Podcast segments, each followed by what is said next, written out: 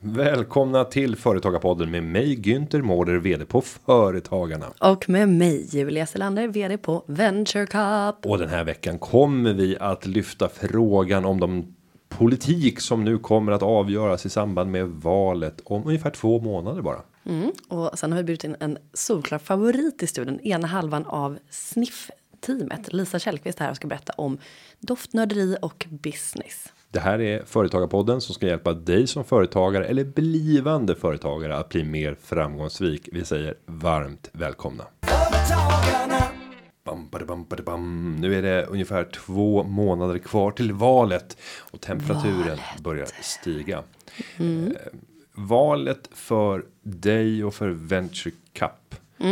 Vad betyder det? Eh, Cup har ju tagit ett styrelsebeslut på att vi inte ska vara eh, liksom, partipolitiskt såklart. Men Jaha. eh, vi det ska vara. Vi ska, unikt va? Ja, vi ska vara det här partiets förlängda arm. Nej, Vilket det- parti tycker du på när du gjorde den elekten? Nej, men det, Nej, men det såklart känns inte ju ska. Men, självklart. men, men, jag menar bara att vi ska, vi ska vara ganska neutrala i, i frågan. Men sen så är ju jag som person ganska knopp, för, förknippad till Cup. Så att ja, det är en liten avvägning. Men, eh, men det är klart att vi bryr oss mycket om företagares villkor och startups villkor och förutsättningar. Och, och där är det mycket politiken som sätter förutsättningar, tänker jag. Eh, eller måste jag vara övertygad om eftersom jag jobbar så Därför jag åker med- till Almedalen och ska sätta hela ön i brand. Ja, Med mina två aktiva inspel som jag ska ha.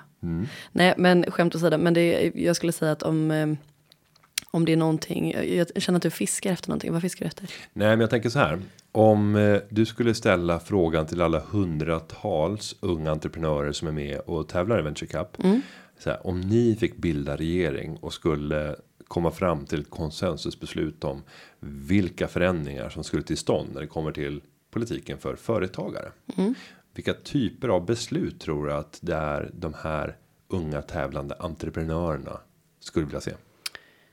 Hmm. Alltså det är ju en salig blandning av eh, profiler och hur långt man har kommit. Vi, vi är ju inom tidig fas. Så att det är inte alla som har kommit så pass långt att man förstår vilka politiska beslut som, som är i vägen för företagare. Men jag skulle ändå säga, eh, kanske ett tråkigt svar, men eh, Eh, just vad gäller att anställa eh, talang utifrån, alltså utanför Sverige. Att man attraherar dem hit till Sverige och att se till att de får liksom, bostad, möjligheter till anställning och liksom ett drägligt liv samtidigt som de eh, jobbar här. Det är svårt att attrahera dem hit helt enkelt. Så något, något beslut som underlättar det skulle jag säga. Och, och då skulle jag kanske. Mycket programmerare som är i, inte helt oväntat som eh, behövs i startups.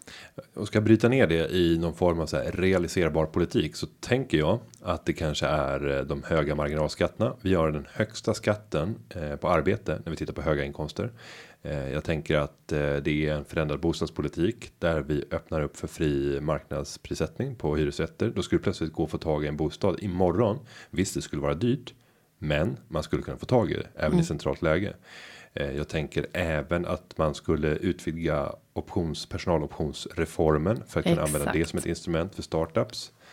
Jag eh, tänker vidare att det måste vara ett system där man eh, också kan komma åt de bästa välfärdstjänsterna kanske till och med mot att betala att komma där det har ett där vi har ett kösystem om vi pratar om privata eh, skolor.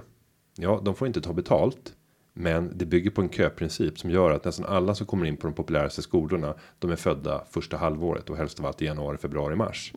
Eh, och det blir omöjligt för en utländsk specialist som kommer hit att kunna få de platserna. Om det inte vore för att man också kunde köpa in sig på skola att betala stå beredd att ovanpå den offentliga skola som finansieras av eh, vår skattsedel så kan man även om man vill precis som om du vill köpa en jättedyr bil eller om du vill köpa en jättedyr lägenhet eller åka på en jättedyr semester så kan du köpa en jättedyr grundskoleutbildning. Men du, Mm. man vet väl att alla som är födda tidigt på året, de är bäst första februari. Så att det, man får bara skylla sig själv. Så är det ja när det gäller fysiska saker, men inte när det gäller hjärnan. Eh, Du, jag kom på en affärsidé, jag Nej, vill ska avbryta bara, det. nej, jag ska bara säga en sak. Eh, Det här kommer vara tråkigt för dig att höra. Men, men om, Jo, men om man tittar på så här, topp eller elitidrottspersoner. Mm. Ja, där har en kraftig överrepresentation av personer födda första halvåret. Och varför? Jo, för de har alltid varit vinnare genom hela livet. De var alltid de som var starkast på liksom redan på förskolan. De lärde sig gå innan. De var bättre på att sparka boll och springa snabbare och röra sig mm. och så vidare. Och det där följde med dem och det självförtroendet har varit avgörande. Men om du tittar på till exempel de eh, inriktningar på ingenjörsutbildningar där du läser till exempel till olika typer av programmeringsyrken. Eh, där är en överrepresentation av personer födda andra halvåret. Spännande, men då har jag ju ett litet svar på tal där vad mm. gäller mig. Som den här podden handlar om. Ja, mm. absolut. Eh, det är ju att jag är född 88, men jag gick mot sjuorna. Så jag har alltid varit i underläge, alltid varit yngst, alltid varit så här, fått kriga för allting. Så att jag skulle säga att jag tar liksom igen på både och både fysiska prestationen och underläget så att man liksom får kämpa hela tiden och vara en underdog. Så att jag är någon slags perfekt. Det är bra. Variant. Haha, skämt. Men jag kom på en affärsidé. Ja, shoot. Shoot. S-H-U-T. Eh, Güntherlate. Güntherlate. Istället för Google Translate. Google Güntherlate. Mm. Du säger eh, liksom ett påstående och sen så översätter du, eller ja då, den här Güntherlate, till ett politiskt budskap man säger nej men jag tycker att det borde vara lättare att anställa arbetskraft utifrån. Och så bara, Då kommer det sju reformer. Exakt. För att göra det lättare. Jag tror att det här hade varit någonting. Kan ni, kan ni dunka igång det här till i alla fall nästa Almedalen så tror jag att det vore en hit. Mm. Eh, man skulle ju kunna tänka att även politiken kommer att automatiseras, robotiseras och digitaliseras. Mm. Och då skulle man kunna tänka sig en algoritmbaserad riksdag. Som eh, man egentligen bara tog alla möjliga reformer som man skulle kunna göra och sen så kopplar man dem till olika typer av bevekelsegrunder vad man vill med samhället. Mm. Och sen behöver man egentligen bara som människa fatta beslut om vad vill vi med samhället just nu? Ja, nu vill vi följande. Vi vill att fler ska arbeta och vi vill att eh, det ska vara eh, fler som skaffar sig höga utbildningar. Vi vill också att folk flyttar ut mer från städerna så att det inte blir den här extrema koncentrationen i eh, några få tillväxtregioner utan vi får vi vill få ett hela Sverige som lever. Okej, okay, kryssa i det, rösta om det och sen kommer alla reformer. Det här är reformerna du ska genomföra. Okej, okay, vi har redan fattat beslut om. Men jag förstår givetvis grundproblematiken i just de här prioriteringarna när vi ska programmera algoritmen kring hur den ska välja orsak, orsak verkan. Äh, men jag tror absolut att det kommer bli mycket sånt framöver. Ser fram emot det. Det gör jag. Mm. Men vad, vad är företagen då? Vad ja, har ni för fokus? I nej, men för företagen är det ju har det här tagit eh, allt fokus senaste året att påverka samtliga politiska partier. Eh, de tre absolut eh, högst stående frågorna på vår agenda är att minska regelbördan för företag. Där mm. vi tagit fram 50 stycken exempel på regler som skulle kunna förändras. Eh, och där politiken, politiken lätt skulle kunna ta till sig och börja implementera det här. Vår målsättning det är att när man mäter kostnaden för att efterleva regler och det här gör faktiskt tillväxtverket. De mäter vad företagare lägger ner i tid och därmed översätter det till en kostnad för regelefterlevnad. Den kostnadsökningstakten är just nu på 1,2 miljarder årligen. Vi har satt ett annat mål där vi säger att den ska inte öka, den ska minska med en miljard per år fram till 2022. Och fattar man ett sånt beslut och du har ett tydligt mättal att jobba mot. Då måste man också springa och göra verkstad av det. Och Tillväxtverket kommer komma med sin studie varje år. Och då skulle man om man har fattat beslutet behöva stå vid skampålen om det visar sig att man som riksdag och i förlängningen då regeringen inte har lyckats leverera på det här. Fråga nummer två som står högt upp på agendan är minskad beskattning av företag och företagare och företagsamhet. Att titta på hur kan vi stimulera fler till att vilja ta de risker både tidsmässigt och ekonomiskt för att kunna skapa de nya problemlösningar som kan generera nya jobb och tillväxt i vårt land. Mm. Eh, det behövs mer och där kan vi gå in på en mängd olika reformer. Och sen är det sänkta kostnader för att anställa och förbättra tillgången till kompetent arbetskraft. För att det där är det största tillväxthindret för Sveriges företagare idag. Svårigheten att få tag i rätt arbetskraft. Och då finns det ett antal kortsiktiga saker man kan göra för att göra det mer attraktivt, precis som du nämnde, att få hit specialister. Sen långsiktigt måste man titta på hela vårt utbildningsväsende och göra så att det är fullt ut anpassat inför det arbetsliv eller det liv som företagare eller yrkesverksam inom det offentliga som eh, kommer att, att förväntas av de delarna. Och jag är inte helt säker på att eh, skolan idag är uppbyggd på det sättet så att den främjar de egenskaperna som sen kommer att pre premieras senare i livet. Men vi får se. Vi eh, kommer ha ett osäkert läge efter valet. Det är min fulla övertygelse. Därför så har företagarna kallat till en aktivitet 08.00 den 10 september. Dagen efter valet. Vad händer då? Då går vi ut i en livesändning på Youtube, på Facebook och på Twitter. Där vi har bjudit in några av de främsta experterna på polit ja, politik och eh, regeringsbildning. För att besvara frågan. Vad händer nu? Utifrån ett näringsperspektiv. Så eh, stay tuned 08.00 10 september. Ställ in era kalendrar redan Mm. nu. Spännande. Men du, vi har en gäst. Det har vi och det här ska bli jätteroligt. Mm, eh, jag som är lite av en sån där informell doftnörd. För jag är Mm. verkligen ingen så här fin doftnörd. Du är en ful doftnörd. Jag är fin. jag, jag, jag, jag är en eh, anonym. inte. Jag är en anonym doftnörd. Nej men det Eh, är du ju inte för att du tar ju varje tillfälle och liksom här. Men, men jag ska också För mig tillägga- doftar det jätteviktigt. Men jag, jag kan inte sätta de vackra orden på det. Jag tillhör inte någon doftelit. Du är en ful doftnörd. Men Ja. du är en stolt ful doftnörd. Ja, det är. Men jag kommer ihåg en av de första eh, poddinspelningarna. Vi sitter ju i en ganska liten studio. Och då sa det. Elizabeth Arden, green tea. Jag bara, vad, vad talar du om? Ja, för det första så skulle jag aldrig välja den doften själv. Det kan man behöver inte lägga någon värdering i. Men det var någon slags eh, doft, eh, handkrämsprov som jag hade smetat på med mina torra vinterhänder. Och då kände du, satte du exakt rätt med en gång. Så det är lite obehagligt. Men eh, nej, så fort jag har kunnat koppla en doft till ett namn eller en egenskap eller någonting. Då kan jag referera det. Men jag har jobbat alldeles för lite med att så att säga sätta orden, namnen, varumärken på det. Men, Men jag du, kan från- identifiera det. En ful doftnörd till, nu vi har bytt in en fin doftnörd. Till Ja, studion. det har vi gjort. Och eh, nu så ska vi få möta en av de 103 unga idéerna som presenterades i tidningen Företagaren här i eh, början av sommaren. Och eh, den eh, kvinnan ni nu får möta har gjort big business kring doft. Jag säger varsågoda. I studion välkomnar vi nu Lisa Källqvist som har startat Sniff. Välkommen! Tack. Vad roligt att du är här. Vi hade ju trott att ni skulle vara två. För du driver Sniff tillsammans med eh, en partner. Mm, med Tara. Eh, och nu Jag känner mig lite halv faktiskt. lite halv idag. Men, Ja, jag, men då är det tur att jag har liksom uppbackning av två stycken helor, höll jag på att säga, två halvor, andra halvor. Ja. och, och, nu, och nu tänker jag så här. Hur kommer det här att påverka intervjun? När du får fritt spelrum att forma berättelsen själv. Men det, Vad det kommer bli mer av, vad kommer det bli mindre av jämfört med om ni hade varit båda? Jag tror eh, kanske att det blir lite mer eh, rakt på sak. Tara är fantastiskt bra på att eh, eh, formulera ord och det är väldigt fina liksom, beskrivningar, vilket är liksom, en av styrkorna tror jag, eh, som vi tillsammans liksom, skapar. Eh, så att jag, jag gissar att det, det kan bli lite mer kanske, raka svar och mindre, jag ska inte säga mindre karisma, men kanske en liten gnutta mindre karisma. Mm, vi kör. Det är spännande. Men berätta, hur, hur träffades ni?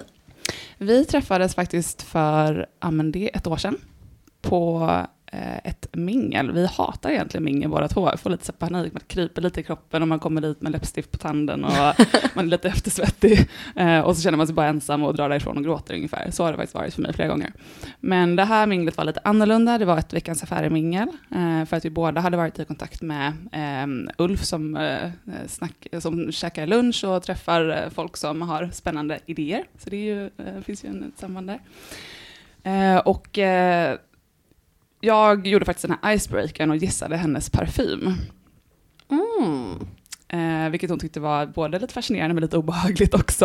Eh, vi blev liksom ihop eh, parade kan man säga av en gemensam bekant på det här minglet. Eh, och bara kom fram till att så här, men hon hade kommit tillbaka från eh, London och New York där hon har bott i, i flera år utomlands. Då, och skulle komma tillbaka till Stockholm för att starta ett, ett eh, företag inom doft Mm. och letade efter en co-founder. Och jag var i ett läge då för ett år sedan där jag också letade en co-founder. Och det är så här, vad är oddsen att man träffar på en person som är mer eller mindre, liksom, ja men vi är lika gamla och vi är ute efter varsin co-founder och vill jobba med doft. Det är ganska, Och startklara. Ja, och startklara. Vad Så- var det för parfym?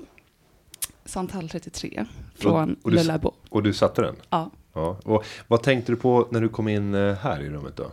Det, här, det var ingen parfym alls här. Ingen parfym alls? Nu Jag blir så besviken. vansinnigt besviken. vad, har du? Nej, men jag, jag, jag, sprutade ändå på mig eh, ganska, Oh. ganska tätt inpå.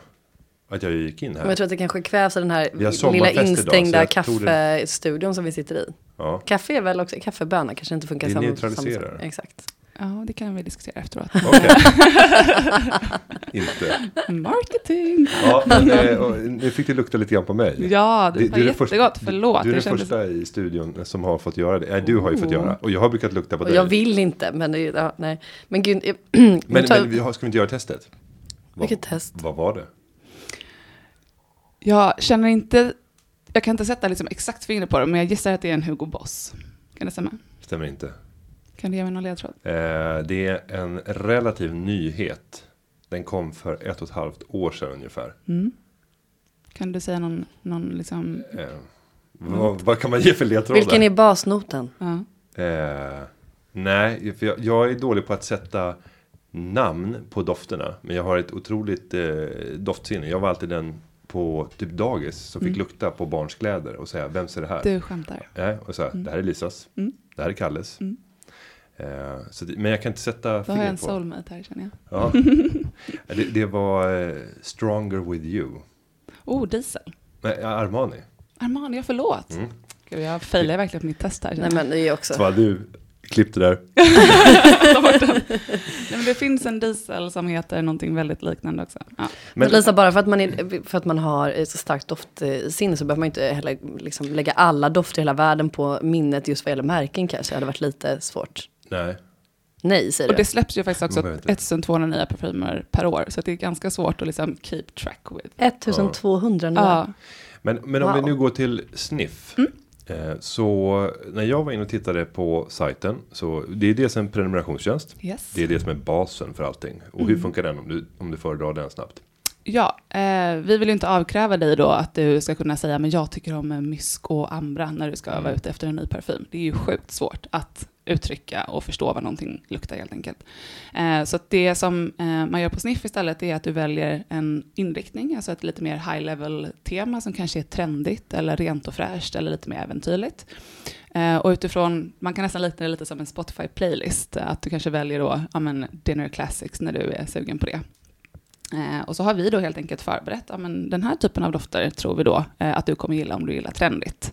Eh, och utifrån det valet som du har gjort så får du, betalar du då en, liten, en lite mindre summa pengar per månad, det kostar 159 kronor i månaden. Mm. Och då får du 8 milliliter av en eh, handplockad, liksom, eh, väldigt, eh, ja, en, en ut, speciellt utvald doft då, som är trendig just nu eller som är just ren och fräsch om du har valt det temat. Direkt hem i brevlådan. Och, och nu är jag, jag är lite störd när det gäller priser och prisjämförelser och liknande. Och, och räknar jag om då per, per flaska. Så på 159 kronor för 8 milliliter då kostar en 100 milliliters flaska 198, eh, 100, 1987 kronor och 50 öre. Mm. Det är ganska mycket pengar.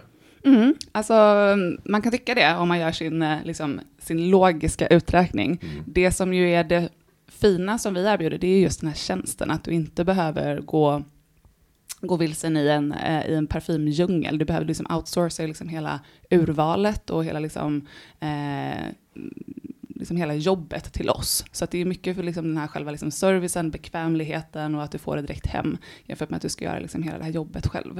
Eh, sen är det ju också väldigt eh, fina parfymer vi har, eh, vi har liksom privilegiet att jobba med. Så att vi, eh, vi åker ju liksom runt världen, vi åker till Milano, till Florens, till Paris och träffar liksom direkt parfymhusen som vi jobbar med.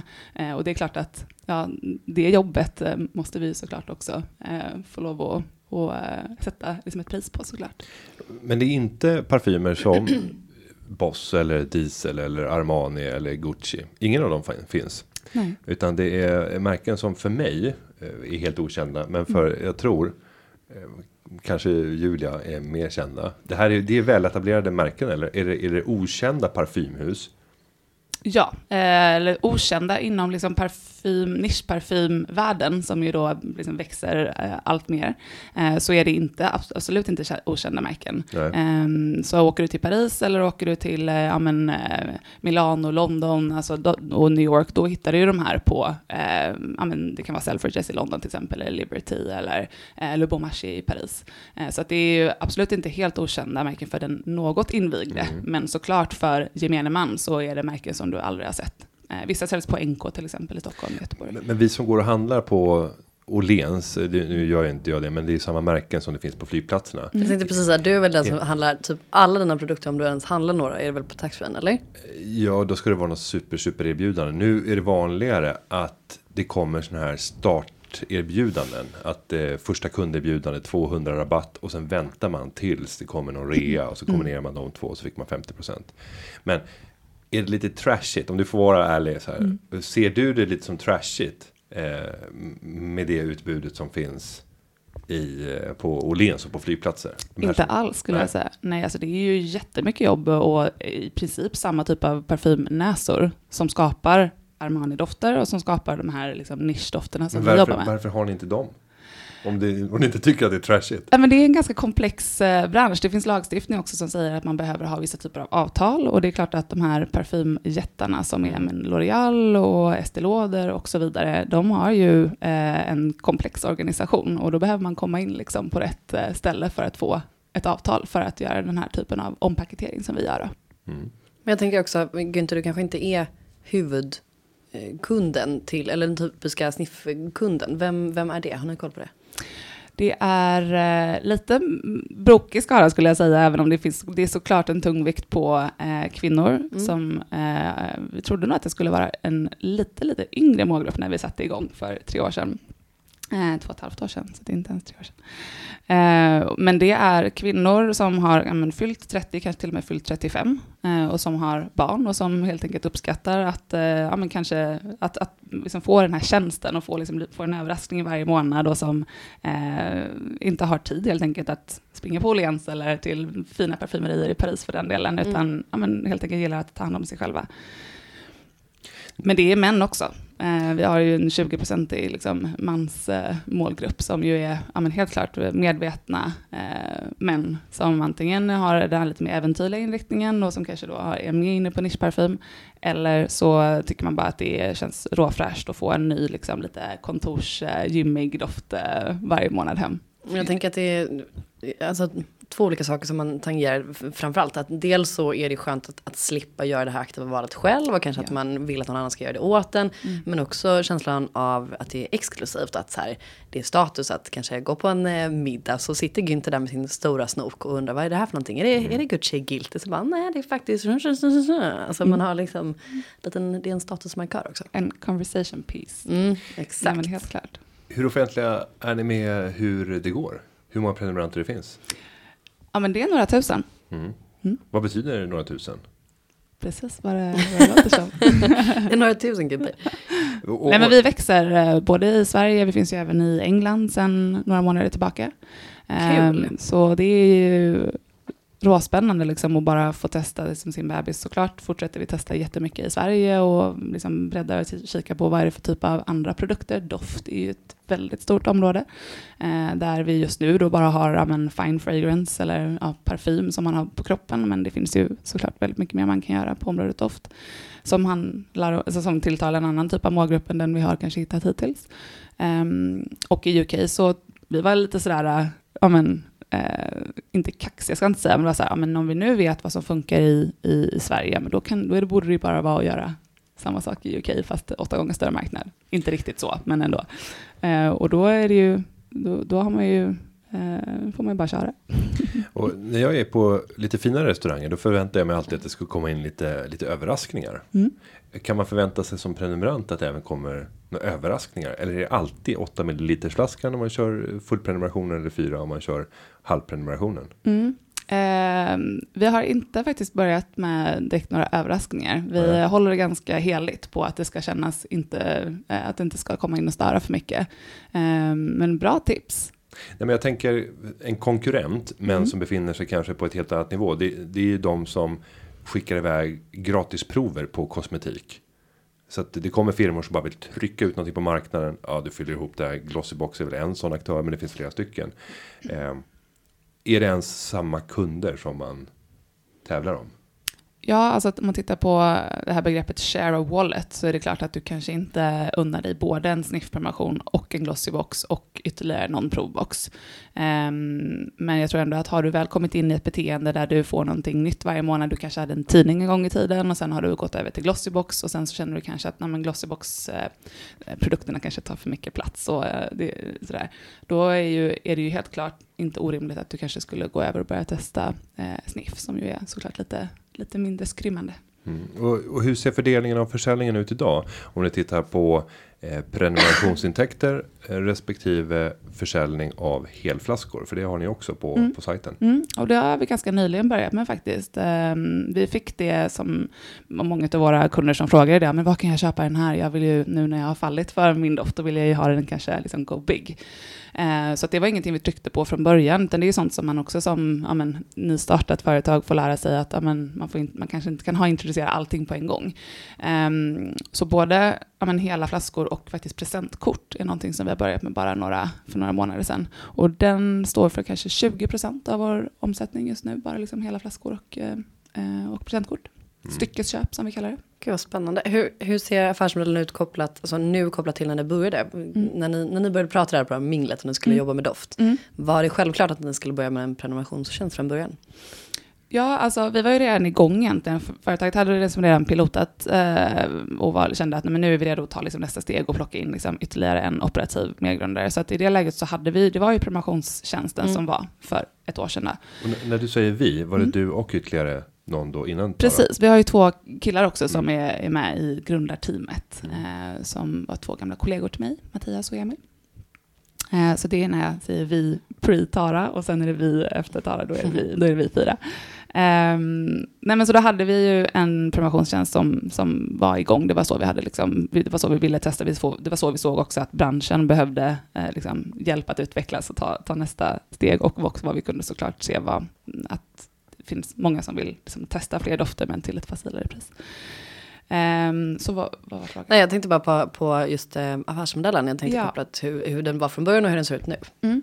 Nej, men den är ju eh, i stort sett ska säga, oförändrad precis just nu. Sen så tittar vi ju på, alltså, det är klart att vi har introducerat då fler produkter och, och eh, alltså, mm, hela flaskor och som sagt presentkort. Då. Det, det är ju inte kanske någon ny affärsmodell på så vis, för presentkorten i slutändan blir ju en prenumeration när någon går in och, och aktiverar den.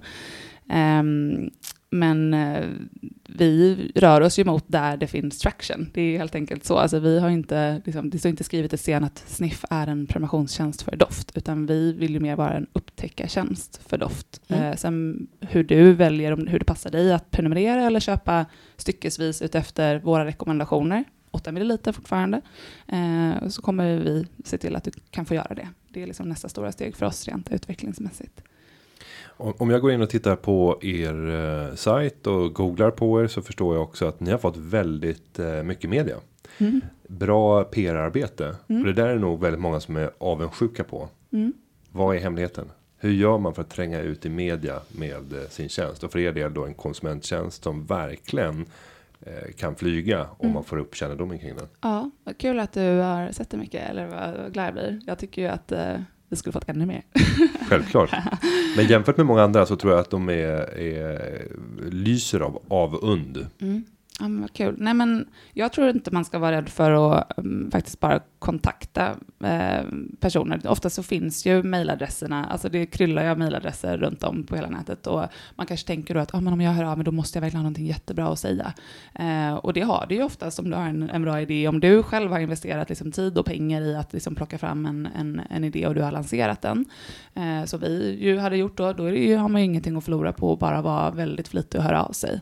Eh, pressmeddelande i all ära, men det känns också lite mossigt liksom 2018 att skicka ut ett pressmeddelande och sitta och vänta på vad, vem som kan plocka upp det. Såklart i kombination, men det, det är så mycket man kan göra bara genom att tänka, men vad hade eh, vad vet jag, nej men vad, vad kan jag inte göra liksom? Det, det, finns ju liksom inga gränser egentligen där. Sen såklart, det, det är klart att det är, vi har en fördel av att parfym är liksom en sexig produkt om man säger så. Eh, det är ju en lyxprodukt och vi gör någonting som är väldigt innovativt och som kopplar mycket liksom olika eller som korskör olika liksom, principer med varandra. Så det är klart att det finns ju mycket att prata om och, eh, och så. Och sen att vi liksom driver det här med passion också, är det klart att det är en, en nyckel i sammanhanget. Om du ser tillbaka till de artiklar ni har varit med i. Mm. Är det någon som du kan peka ut och säga att den här, den var avgörande för vårt break? Där det drev väldigt mycket nyförsäljning eller mycket besök till sajten. Mm. Ehm, det första var faktiskt en eh, tjej som heter Caroline Heiner som har en eh, blogg som heter 50 Cent. Den finns inte längre, men den var, det var ju stort att vi, det var, mm, låg på plattformen Rodeo på den tiden, det var liksom någon, några veckor bara efter vi hade lanserat, så det var verkligen sån här, jag hade ju bearbetat henne nästan liksom i så sex månader, och nu har vi lanserat, nu kan du få prova. Och då när hon la upp liksom i mellandagarna så var det ju såklart, det var ju tack vare henne skulle jag säga, som vi faktiskt mötte vårt första mål, som var att vi ska ha 100 betalande prenumeranter första månaden. Det var liksom vår absoluta KPI. Eh, och då eh, var ju det helt klart, liksom, hade vi inte fått den så hade vi nått, nog inte nått vårt mål den månaden. Och det är jätteviktigt i början att man känner att man liksom når upp till någonting för att kunna liksom ta steget och köra vidare. Och hur mycket fick ni betala för ett sånt samarbete? Ingenting, nej det var ju ren PR. Liksom. Eh, Om vi nu ser till, nu har ju branschen mognat, det går ju väldigt fort när det gäller influencers. Så de har Mm. blivit otroligt medvetna Mm. om vilket värde de kan ha. Mm. Och ibland så överskattas det rätt rejält när jag tittar på prissättningen. Mm. Hur ska man tänka kring samarbeten med influencers tycker ni? Mm. Man behöver nog ändå mm, landa i hur jobbigt det än kan kännas i början att så här, det är väldigt svårt att få till gratis samarbeten. Det är som du säger, det, det, det, det kostar på idag.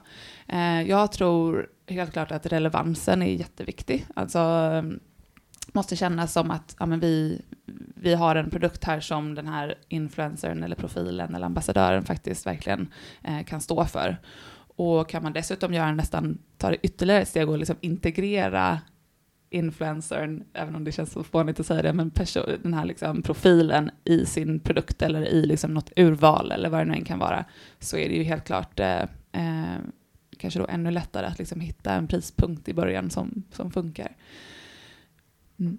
Och jag, jag tänker om man ska försöka ändra maktbalansen lite grann. För man är oftast i ett väldigt underläge när man står och diskuterar med en influencer. När det Mm. gäller just ett potentiellt samarbete.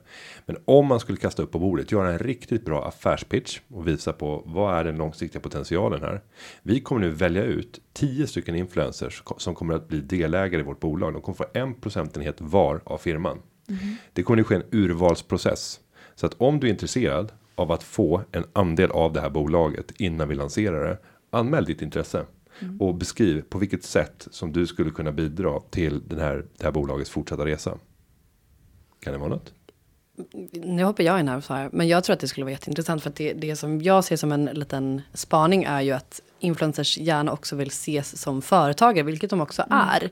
Alltså om du mm, driver en, en blogg eller en, ett Instagramflöde eller så, så är det är ju, man är ju en egen, liksom, många tjejer då som driver en typ skönhetsredaktion eller en egen tidning, du tar bilder, du gör content, du tänker igenom koncept, alltså du har marknadsföringskontakt, du, du är liksom ett helt bolag i dig själv och jag tror att många av dem, eftersom att jag läser mycket bloggar, ehm, tycker att det är väldigt intressant verkar det som att vara med i olika typer av forum som är för företagare och entreprenörer och liksom startups och visa på att det här är ett seriöst yrke som man jobbar med, man är inte bara en bloggare. Så att jag tror att det skulle kunna vara någonting som är intressant. Vad tror du? Ja, det är ju en jättebra idé. Jag tror kanske att man får akta sig att ge bort aktier, för då sitter man ju i samma båt. Inte för life, men eh, du, det är liksom ett annat commitment. Jag tror att man skulle kunna hitta kanske snarare en modell där man säger, ja men du får en viss procentuell kickback på den här produkten som vi säljer. Det blir lite mer kanske affiliate eh, eh, liksom marketing i det fallet, men gärna om det finns den här produktintegrationen då med profilen så tror jag nästan att det är en, en säkrare deal än att man kanske ger bort. Det, det, det finns ju en möjlighet också när man i ett startskede skriver in i ett avtal. För då tänker man att det kommer då 50 ansökningar från olika influencers av eh, varierande dignitet som förklarar på vilka sätt står de beredda att eh, arbeta för att då göra sig eh, betjänt av en procentenhet av, av bolaget. Eh, Och då får du ju kanske 10 avtal när du har valt ut de där 10 som alla har olika inriktningar, olika krav på sig och sen lägger du in en återköpsklausul på aktierna om eh, tidigast fem år. Men som sen är för evigt. Men där är det ett belopp som är ohyggligt högt när man ser det från första stund. Mm. Om man tänker att ja, men vi står beredda att köpa tillbaka 1% av bolaget för en halv miljon kronor. Um, ja, då har vi värderat bolaget till till 50 miljoner kronor. Mm.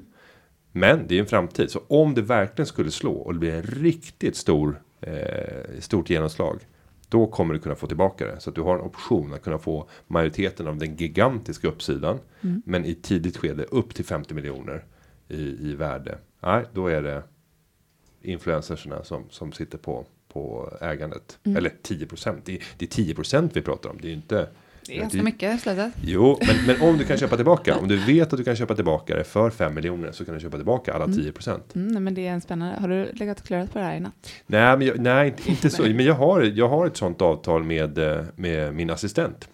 Hon är delägare i mitt eh, holdingbolag och jag har två stycken privata bolag. Och där är avtalet konstruerat så att så länge hon stannar med mig så är det en fantastisk eh, potential. Mm. Eh, men om hon skulle lämna mig så finns det möjlighet att köpa ut. Och då kommer det vara en hygglig avkastning, men den kommer inte vara formidabel. Om allting flyger och det blir helt otroligt mm. så krävs det ändå att vi fortsatt håller ihop. Mm. Så det kan man säga är någon form av så här rörlig komponent eh, som stärker relationen så länge vi. Motivationshöjande. Ja, eh, tillsammans ska vi göra kaboom. Gud vad spännande. Mm. Men, men Lisa, jag tänker hur eh, hur ser um, ert bolag ut? Hur, hur väljer ni vilka personer ni jobbar med? Jag tänker det verkar som att du är väldigt klok när det gäller det. Att man ska inte bara ge bort till vem som helst. Det, det här är ju er baby. Uh. Om ni skulle plocka in en person till, vad skulle det vara för typ av uh, profil? Nej men helt klart någon som, uh, alltså nu har vi kört igång i Sverige men där vi liksom ser vår stora potential är ju internationellt. Så att det är ju, jag skulle helt klart säga idag i alla fall att ja, men det är någon i Storbritannien som har en, en bra reach, eller liksom som har en bra reach och ett bra, ett bra rykte.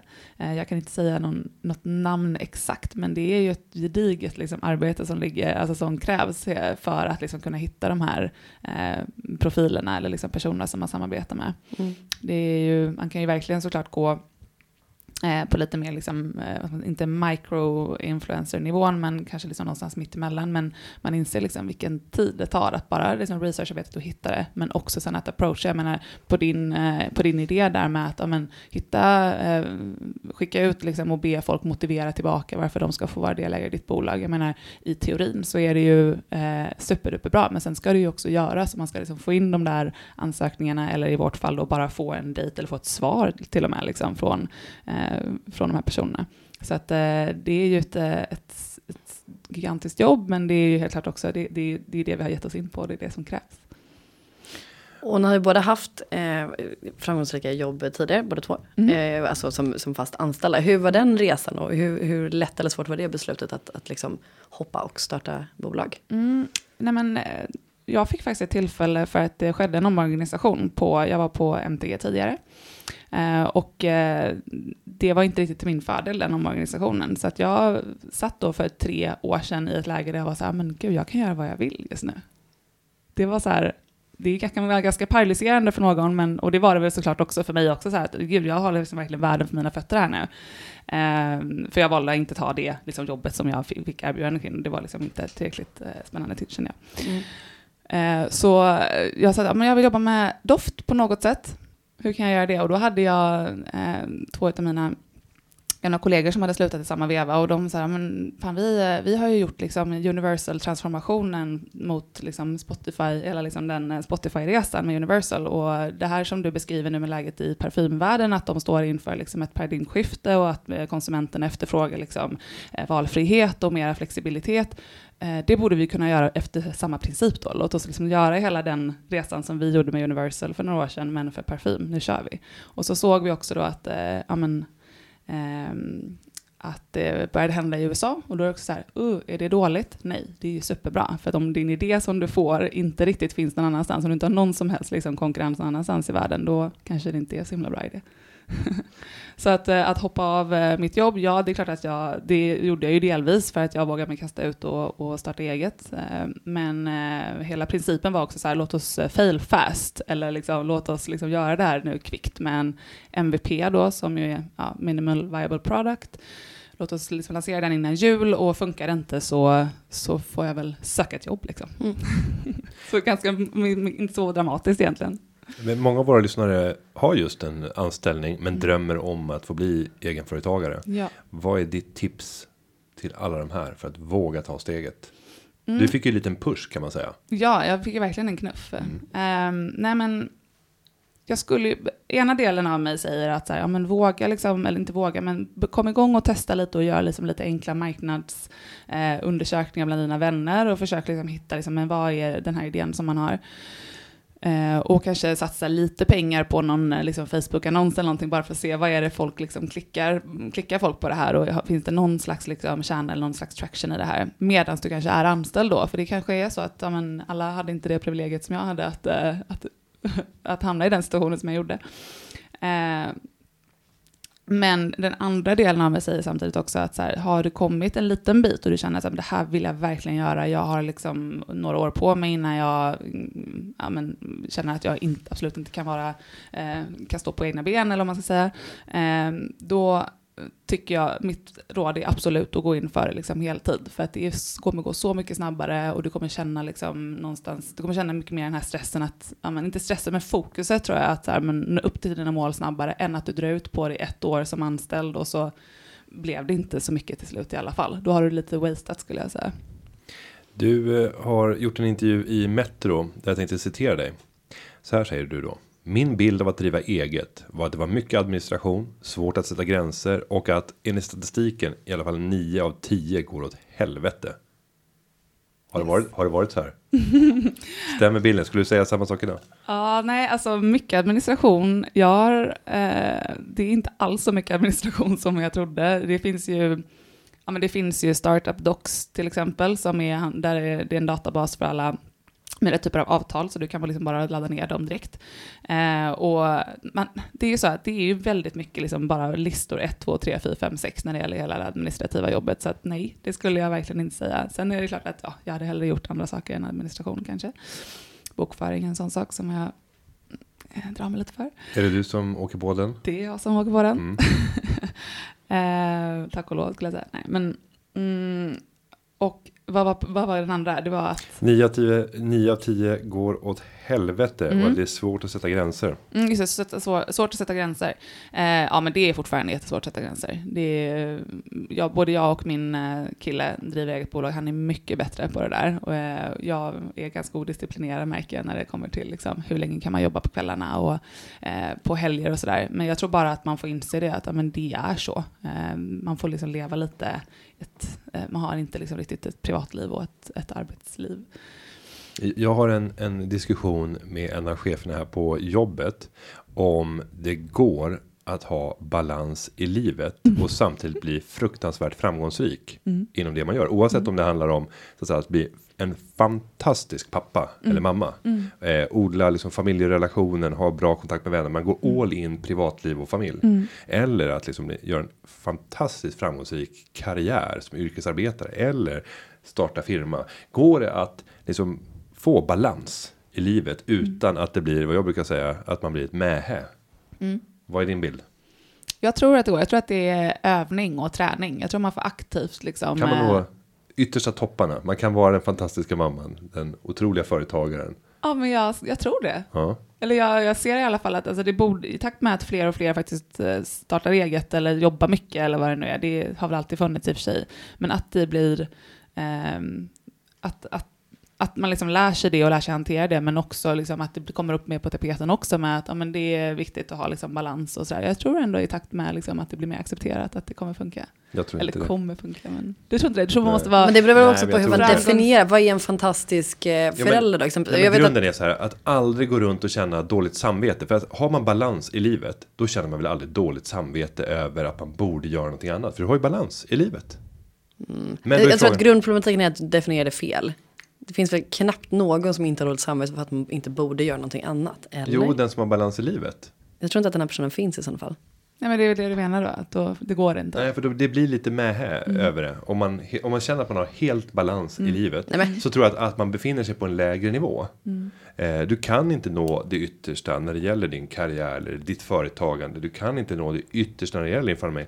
Allt, all avkastning bygger på att du ska ta risker. Och risker, det handlar om att prioritera och gå väldigt snävt all in på någonting. Det är då du kan få den högsta avkastningen. Så vill du få liksom en fantastisk relation, då måste du investera något enormt i den relationen. Det går inte att göra med vänsterhanden och så samtidigt så med högerhanden så försöker man fixa till karriären och så tänker man att jag ska verkligen nå den här toppnivån på båda. Jag tror dock att, men om man tittar på exempelvis Isabella Löwengrip nu som, som får jättemycket skit i, medier kring att men hon har liksom ett helt, en hel stab med personer som tar hand om hennes markservice. Det vill säga hon lagar inte mat, hon handlar inte, hon tvättar inte, hon tar inte hand om barnen, allt. Utan det har liksom en, en flotta av folk som gör för att hon ska kunna gå all the way med sina bolag. Vad är det för fel med det? Alltså om man kan outsourca saker som, som är monotona, gör det så du kan fortsätta. Då kan hon ju fortfarande umgås med sina barn och vara fantastisk på det när hon väl är där. Så att jag menar, det är för mig en definition på att man kan vara en fantastisk förälder och fantastisk företagare. Men för många andra som definierar så här, nej men du ska vara så mycket som möjligt med dina barn. Det kanske är definitionen inte riktigt stämmer. Så att det beror på Nej. vem man frågar. Nu har ju inte jag barn heller, så jag ska inte säga det. och, och, och jag har ju fler barn än eh, människor som sitter runt det här poddbordet. Eh, och, och, jag, och jag kan säga att eh, barn är inte speciellt intresserade av kvalitetstid. Alltså det är inte kvalitet de mäter eh, föräldrarna på. Utan det är, är pappa där? Finns pappa där när jag cyklar och ramlar omkull och, och slår upp lite grann på knät och sätter på plåstret? Finns pappa där när det ska serveras eh, varmkorv med bröd för att eh, vi orkade inte laga middag? Eh, finns pappa där och läser sagan? När jag, jag, jag går ju runt med, med ett visst dåligt samvete till följd av att jag har valt att prioritera rätt mycket både kring företagandet och min egen karriär. Men det it takes a village to raise a child. Alltså om Nanny Mats är där när barnen cyklar, det går lika bra. Ja, bara, jag har balans i livet. Mats är där och tar hand om mina är- barn. Och kokar, och kokar makaroner, sätter på plåster, läser sagorna. Ja, Och imorgon när de Så vaknar så har jag åkt till där, jobbet. Mats där? Ja, Mats är jag tycker det här är briljant. Nej, jag återkommer om jag någonsin får barn Mats. hur det går. Jag, jag kommer ha en egen Mats. Det kommer Mm. bli grymt. Men okej, men jag tänker framåt. Hur ser, eh, hur ser det Lisa på framtiden för Sniff? Vad, vad är ni? Så, tråkig fråga, men det är också ganska Mm. kul att tänka. Om fem år, vad gör ni då? Eller om tio år? Ja, eh, vi brukar inte lägga femårsplaner i startups, men, eh, nej, men vi ser ju verkligen att eh, alltså vi vill ju bli en plats, liksom en, en eh, plattform, låter lite osexigt, men vi vill liksom vara din go-to-place för doft. Vi vill liksom doftsätta, alltså göra ditt liv härligare med hjälp av doft. Och det ser vi absolut att vi gör om fem år och om tio år. Eh, så lika naturligt som det känns för dig att amen, plocka upp din iPhone och eh, sätta igång liksom, liknelsen igen då, men Spotify. Eh, lika liksom, naturligt ska det kännas för dig att liksom, fråga Sniff vad du ska ha för, för doft, vare sig det är på dig själv eller hemma. Wow. Jag tänker också om ni har någon, det måste ju finnas liksom kändisar inom parfymvärlden. Alltså, Mm. vad heter det ens? Folk som tar fram olika typer av dofter. Näsor. Näsor, Mm. exakt. Om ni skulle ha en sån person som liksom skulle göra ett samarbete med er. Typ, nu har vi eh, specialerbjudande tillsammans med den här personen som har tagit fram en unik doft för dig som är lite mer äventyrlig tillsammans med Sniff. Vem skulle det vara då? Jag gillar en, eh, en kille som heter Jan Vanier, som är, jag tror han är på Givaudan nu, som är liksom ett schweiziskt, liksom en parfym, ett stort parfym, en parfymfabrik helt enkelt, eller parfymutvecklarföretag. Eh, han, honom skulle vara häftigt att få göra någonting med. Det finns en kille som heter Jean Pinette också, som har gjort mycket för Biredo och gör även för liksom H&M och Anden Stories och de här också. Så han har liksom hela spannet av ganska dyra parfymer men också eh, tillgängliga liksom, eh, prismässigt. Och den idén kan jag gilla ganska mycket, att man, ja, men, man kan göra det både liksom för, för det dyra och för det liksom lite, för vi gillar ju det här med liksom tillgänglighet, det är lite vårt liksom mantra, att vi vill tillgängliggöra det bästa. Mm. eh, Och, och visst, är- visst är det precis som inom modevärlden. Det är ju mycket storytelling också. Vad man fyller den här doften med. Precis vad man fyller det här varumärket med. Mm. Jag tänker så här, en person, så här, Bosse Larsson. Mm. Förstår du? Det, är- det, är svårt att bygga en story kring, kring Bosse i Sverige. Mm. Även om det finns, har jag förstått, en svensk gigant. Va? Jag läste något personporträtt om en svensk som hade gjort en megakarriär i världen inom Mm, doft. Pierre Wolf kan det vara då. Ja, men det, men det är också ett ganska coolt namn. Det är inte... Anders Jonsson. Nej. Eh, för det är sämre när det gäller storytelling. Man ska ut på en internationell arena där mycket är liksom franskt, italienskt. Mm. Har jag rätt? Eller? Ja, nej men så är det ju. Men samtidigt, det är det som vore lite kul att få lov att experimentera med. Att kanske inte, just när vi, vi jobbar ju så otroligt nära våra eh, liksom medlemmar, våra prenumeranter. Eh, så att vi skulle ju i princip kunna göra, inte kanske utgå från, men nu låter vi den här näsan göra den här doften, för så har det alltid varit. Det är lite att liksom fortsätta i samma hjulspår, men Mm. att istället då, ja men eh, nu är det eh, ja, men Henrik här i Täby som har fått, inte kanske skapa sin doft, men skapa sin egen, liksom, ja men det här är min doftgarderob, och så tillgängliggör man det på ett liksom mer så här, socialt och inkluderande sätt, och att flera kan liksom testa hans eh, doftgarderob. Jag vet vad min skulle heta. Den skulle heta hashtag sparkrona. Och det skulle vara jättestor förpackning. Och vara jättebillig. Och det skulle lukta gott. Det skulle lukta jättegott. Det luktar exakt Armani. Ja, Det men, skulle liksom vara den största ja, det parfymflaskan skulle som någonsin en kopia på Stronger with you från Armani. På sån här pumpflaska. Man sköljer in. Och sen så säljer man för 199 kronor. Jag tror kanske liter. inte att du ska vara den här personen som Sniff gör sitt första samarbete med. Men jag vet, man, konstiga Kanske saker har hänt. Alltså när, när ni ska bredda marknaden och gå in Mm. på liksom nya segment. Ja. Ni ska in på riktig white trash. På budget. Ja, nej, då- inte ens på då- budget. Ja, nej, inte det. Riktig Ja. white trash. Mm. Då är det dags för The Whiskey Ja. Tango. Mm. hashtag sparkrona by Morder. Mm. Ja, vi får se vad det blir med det. Men Lisa, Så. tusen tack för att du kom hit idag. Det är så spännande. Jag känner att jag är sugen på att prova, så vi får se. Vad, vad vänder Det man kanske, sig? det kanske kommer någon överraskning nu när vi stänger av eh, mikrofonerna. Vem vet? Ta-da. Kommer den här stora pumpflaskan by Mårder? Tänk att jag Jag, inte, jag tänker att du doftar, alltså, nu vet jag att du inte doftar Fahrenheit, men det är min, ja, Jag har haft den. Mm. det är såklart att du Men har. ni kan ju börja med att göra vårt eh, doftquiz. Det är några enkla frågor. Och så kommer vi rekommendera en, eh, en doftkollektion. Vad gör det man är det bra på Sniff.com. sniff.com? Ja. Sniff med sniph.com Ja. kan vi säga till lyssnarna. Men gud vad kul, tusen tack för idag. Jag blev så pepp på, på att byta doft. Ja, och till alla lyssnare. Nu har ni fått möta ytterligare en av de 103 unga idéerna som presenterades i Företagarnas, eller tidningen Företagarens lista. Frågan är, är det ditt bolag, din idé som kommer att presenteras nästa år? Ja, ut och kämpa och gör lite väsen av dig så att vi också kan hitta dig. Eller var lite fräck, anmäl dig själv och säg att här är jag. Det här bolaget driver jag. Med det så säger vi stort tack till Lisa Källqvist för att du har kommit till Företagarpodden. Tack. Och där är vi tillbaka och Lisa har lämnat studion. Hon tog oss med storm. Det gjorde hon verkligen. Jag, jag, jag ja, känner mig lite mållös och jag känner att jag vill jobba med henne. Do it. Lisa, om du hör det här, vilket jag hoppas att du gör. Nej, jag vägrar lyssna på det. Nej men det verkar så kul, det verkar så himla, alltså en eh, genial blandning av driv och man ser verkligen passionen i att hon ska göra det här. De ska göra det här, de kommer göra det. Mm. Sen jag ska in och prova. Sen kan vi avslöja en sak. När vi hade stängt av mikrofonen och Lisa skulle gå ut så nämnde hon lite i förbifarten att vi eh, kommer gå in och ta in eh, mer kapital och släppa in eh, fler ägare för de ska expandera ännu snabbare för att idén verkar funka bra. Eh, Det här borde vi ha pratat om i podden tycker jag, men jag vet att eftersom jag har en följarbas av väldigt mycket investeringsintresserade personer så nämner jag det lite försiktigt där utan att nämna belopp utan att Buss nämna på. värdering. Eh, men ni vet var ni kan hitta Lisa och Tara. Så är du intresserad av att eh, investera, pitcha dig själv. Varför skulle du få göra det? Det här har inte Lisa bett om att jag ska säga. Jag vet inte om det var offentligt. Men eh, Men nu är det det. nu är det det. Varsågod. Ja, men eh, jag vill bara sitta här, alltså jag hade velat prata med henne två timmar till. Det fanns så mycket intressanta saker. Mm. Men jag tycker det är kul när vi får eh, spännande gäster. Det är väldigt roligt. Mm. Berätta själv vad du tycker är spännande med gäster. Och säg vem du skulle vilja ha här i Företagarpodden studion. Mm, och hur gör man det då? Då går man in på Twitter eller på Instagram och använder hashtag företagarpodden med ö. Eller så går man in på företagarpodden.se och fyller i det formuläret där man kan kommunicera frikostigt och långt med oss. Men ju längre man skriver desto lägre är sannolikheten att vi kommer att läsa det fullständiga i podden. Då kommer vi tvingas korta ner. Så Om det inte är en väldigt rolig, arg eller smickrande fråga. Ja, Då läser vi Då gärna. får det vara väldigt långt. Gärna arga frågor, gillar vi. Ja, vi gillar när, när man oss pisk. Vi är lite sådana. Pisk. Mm. Ja, men då med det.